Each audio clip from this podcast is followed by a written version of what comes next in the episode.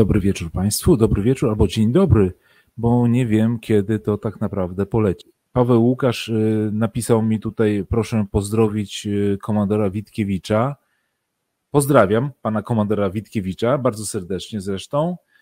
Mam nadzieję, że kiedyś może uda nam się razem spotkać tutaj na ekranie i na odsłuchu również audio. Tematy orki i mm, tematy okrętów podwodnych dla polskiej marynarki wojennej wciąż żywe Mam nadzieję, że kiedyś się ziszczą, czego wszystkim podwodniakom życzę, żeby się udało, ponieważ stan obecny jest e, daleki od ideału, a nawet bym powiedział daleki od czegokolwiek. No ciężko to w jakikolwiek sposób skomentować. Nie moją rolą jest jakby komentowanie tego stanu. Ja zawiniłem. Mm, Dzisiejszy program. Powiem tak, y, pokrótce.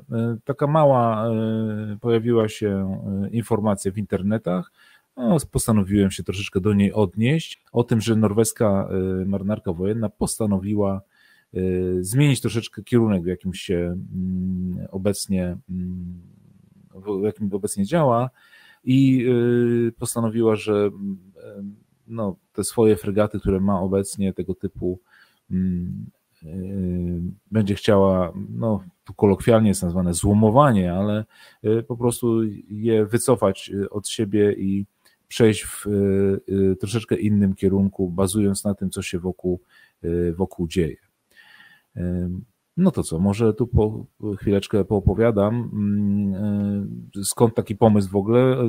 Norwegia stwierdziła, że ma bardziej takie plany oceaniczne Y, chciałaby mm, pozyskać sześć nowych fregat, takich, które mogłyby działać na oceanach świata.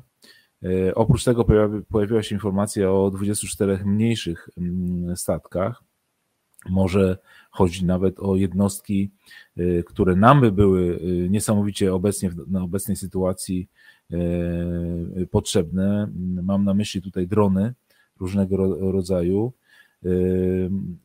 ponieważ no, nam potrzebne chociażby ze względów na takie statki jak Totma czy Kirillow, o których wspominałem w ostatnim odcinku, które wymagają jakby naszego bacznego spojrzenia na to, co tam robią i czym się zajmują. Natomiast y, widocznie Norwegowie też zauważyli, że jest potrzeba u nich posiadania takich jednostek mniej wykorzystujących jakby potencjał ludzki, a bardziej wykorzystujących potencjał techniczny.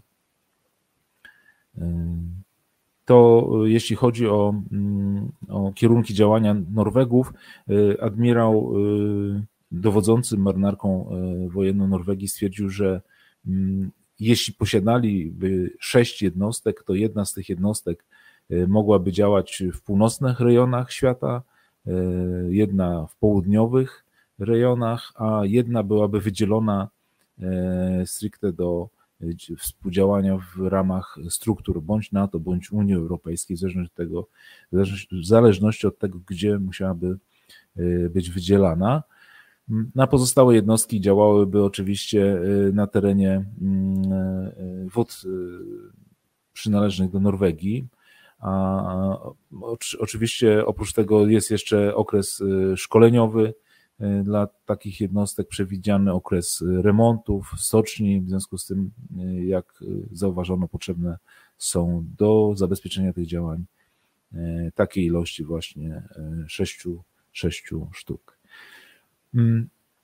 I tutaj jakby pojawia się mm, takie, no ja to nazwałem gdybanie o przyszłości, ponieważ no, y, dziwi troszeczkę fakt, że nagle po 10 latach, y, o których za chwileczkę wspomnę, eksploatacji takich jednostek nowych, tak naprawdę dla nas to praktycznie straciłyby dopiero gwarancję przy naszym użytkowaniu takich jednostek, y, nagle taki, taki zwrot. Mm. No ale to za chwileczkę pociągnę ten wątek. Y, troszeczkę o klasie tej fregaty chciałbym powiedzieć. Y, klasa Nansen mm, oparta jest na hiszpańskiej klasie Alvaro de Bazan. Wybudowano w sumie mm, dla Norwegów pięć okrętów tego typu w Hiszpanii, w stoczni Bazan i wszystkie one noszą imiona słynnych norweskich odkrywców. Dla tych, którzy nie widzą zdjęcia, e, to e, powiem, że jest to naprawdę ładna mm, jednostka, taka e, miła dla oka, o tak to powiem. Jest to najmniej ważna cecha, ale dla mnie, dla człowieka, który mm, troszeczkę para się fotografią i stara się znaleźć coś ładnego mm, w tym, co widzi, jest naprawdę to przyjemne dla oka. To tyle o zdjęciu. Obecnie norweska marynarka wojenna posiada cztery z pięciu wcześniej e, wybudowanych jednostek.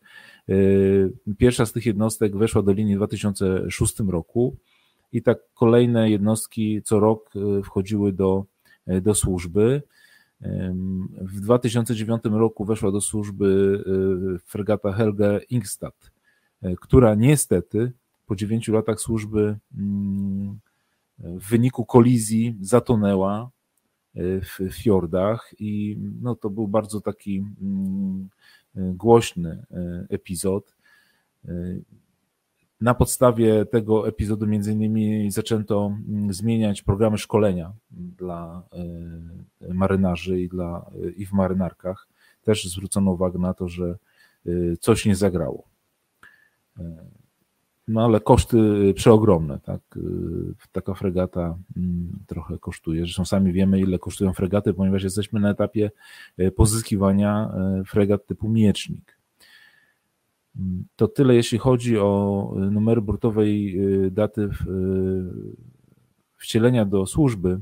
Tutaj na zdjęciu mm, pokazałem fregatę e, Helge Instad, która e, zatonęła w wyniku kolizji. Dosyć długo ona była mm, w tej pozycji, która na zdjęciu jest pokazane, zatopiony, jest pokazany zatopiony okręt. Natomiast no, problemy były z wyciągnięciem jej przede wszystkim, bo no, dużo uzbrojenia na jej pokładzie było, trzeba było najpierw się zająć tym uzbrojeniem, a później dopiero samą jednostkę y, podnosić z dna. Czy jest to fregata ZOP? Y, takie pytanie zadałem i od razu sobie odpowiedziałem, że patrząc po tym, jak jest wyposażona ta, ta jednostka, to były one planowane jako y, fregaty do zwalczania okrętów podwodnych. ZOP, rozwinę może ten skrót, ponieważ nie wszyscy mm, widzą, nie wszyscy wiedzą, co to oznacza. To jest zwalczanie okrętów podwodnych czyli y, zakładamy, że ta fregata planowana do tego, aby zwalczać okręty podwodne, w końcu stała się tak naprawdę y, okrętem wielozadaniowym, który y, posiadał zdolności do zwalczania okrętów podwodnych, ale również nawodnych i obrony przeciwlotniczej. Wprowadzono w tych fregatach szereg takich mm, udogodnień konstrukcyjnych, cech, które jakby mogłyby nadać tym jednostkom cechy jednostek typu stealth starano się obniżyć tą skuteczną powierzchnię odbicia e, fregat, natomiast nie jest to tak naprawdę jednostka e, typu stealth. E, posiada ona sensory w postaci radaru firmy Lockheed Martin Spy 1F Aegis jest to mniejszy i mniej wydajny e, radar typu AN Spy 1, używany na hiszpańskich fregatach typu Alvaro de Bazano, bądź na amerykańskich niszczycielach klasy Early Bark e, i kilku innych okrętach innych marynarek świata. Ten wielofunkcyjny radar pozwala e, wykrywać cele powietrzne w odległości około 160 km i śledzić wiele jednostek jednocześnie. Y, system ten kontroluje, wykrywa i zwalcza i może służyć do zwalczania celów powietrznych, nawodnych i y, podwodnych. To tak z grubsza o sensorach. Jeśli chodzi o obronę przeciwlotniczą, to fregaty te wyposażone są w ośmioprowadnicowy system rakiet pionowego startu. Y, mówimy tutaj o systemie MK-41 VLS. I w tym systemie umieszczone są pociski RIM 162 Sea Sparrow, czyli te tak zwane popularne ESM, ESSM. Pociski te służą do obrony przeciwpowietrznej, przepraszam, do obrony powietrznej bądź obrony przeciwlotniczej i mają zasięg 50 kilometrów. Jest możliwość wymiany tego systemu na system 32 zawierający 32 pociski. Niestety te norweskie okręty nie posiadają pocisków woda-powietrze dalekiego zasięgu, na których nam tak naprawdę w ramach miecznika by zależało. Mówię tutaj o mieczniku, ponieważ no, staram się znaleźć jakieś takie zależności, o których za chwilkę pewnie powiem, bo zrodziły się pewne pytania w mojej głowie, ale to, to za chwileczkę. Jeśli chodzi o rakiety do zwalczania okrętów i ewentualnie celi lądowych, to fregaty te dysponują pociskami wyprodukowanymi przez firmę Kongsberg, NSM-ami tak zwanymi, czyli Naval Strike Missile. Pociski te mają zasięg 185 km i wyposażone są w głowice o masie 125 kg. Co ciekawe, pociski te, może, może nie ciekawe, ale jest to taka informacja dodatkowa, pociski te są na wyposażeniu e, morskiej jednostki e, rakietowej. Armata e, na fregacie zamontowana to fregata Otto Melara 76 mm. Z tego co się dowiedziałem, jest możliwość montażu na tych fregatach większej armaty Otto Bredy 127 mm, no ale Norwegowie wybrali Otto Melarę 76 mm. Jeśli chodzi o y, walkę z okrętami podwodnymi, bo tak naprawdę na samym początku do tego były te fregaty mm, przygotowywane y, i myślano o tym wykorzystaniu ich do tych celów, to mm, oprócz y, sonaru zamontowanego w kadłubie, fregata dysponuje również sonarem holowanym. Mm, no i do zwalczania już po wykryciu okrętów podwodnych y, fregata dysponuje dwiema podwójnymi wyrzutniami torped 324 mm typu Stingray, mm, które właśnie służą do zwalczania y, okrętów podwodnych. Dodatkowo fregata wyposażona jest w śmigłowce pokładowe typu NH-90. Y, zakupiono sześć tego typu śmigłowców do operowania e, z pokładów fregat e, i są do tego mm, do chwili obecnej wykorzystywane. Napęd, jeśli chodzi o napęd, to e, napęd umożliwia uzyskanie maksymalnej prędkości 26 węzłów.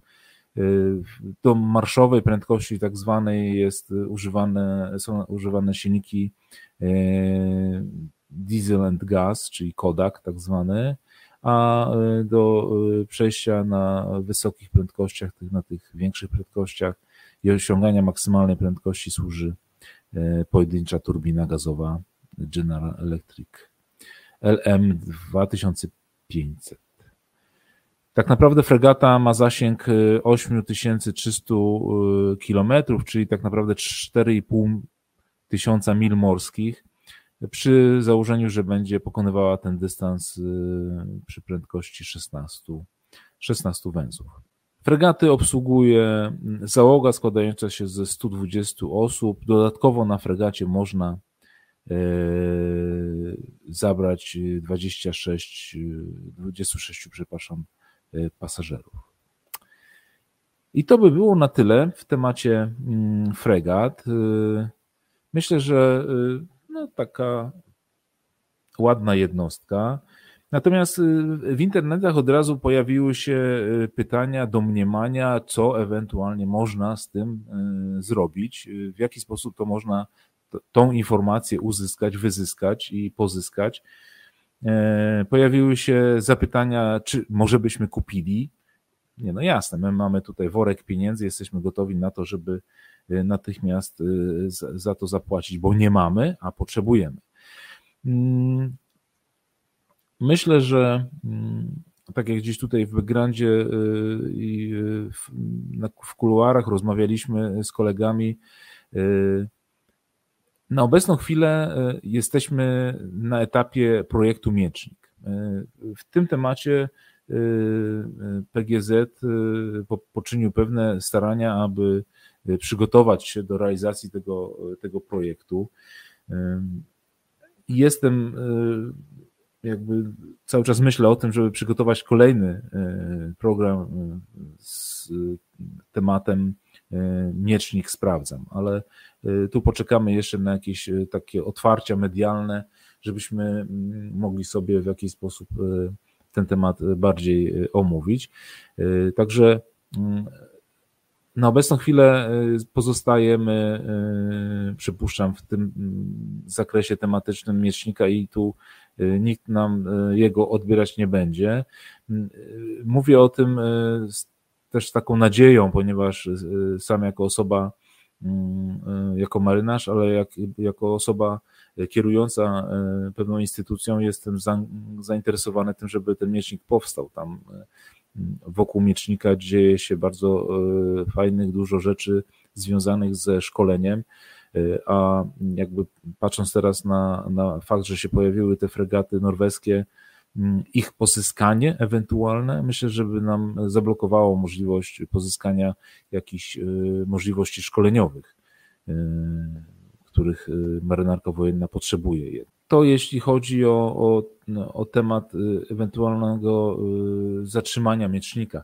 Powiem jeszcze, że tak sobie pomyślałem, że mm, z drugiej strony zatrzymanie tematu miecznik mogłoby y, spowodować to, że y, no na pewno nie zapłacilibyśmy mm, za cztery fregaty norweskie tyle, co za y, trzy mieczniki, ponieważ, no wiadomo, kupowalibyśmy już używany sprzęt. To po pierwsze.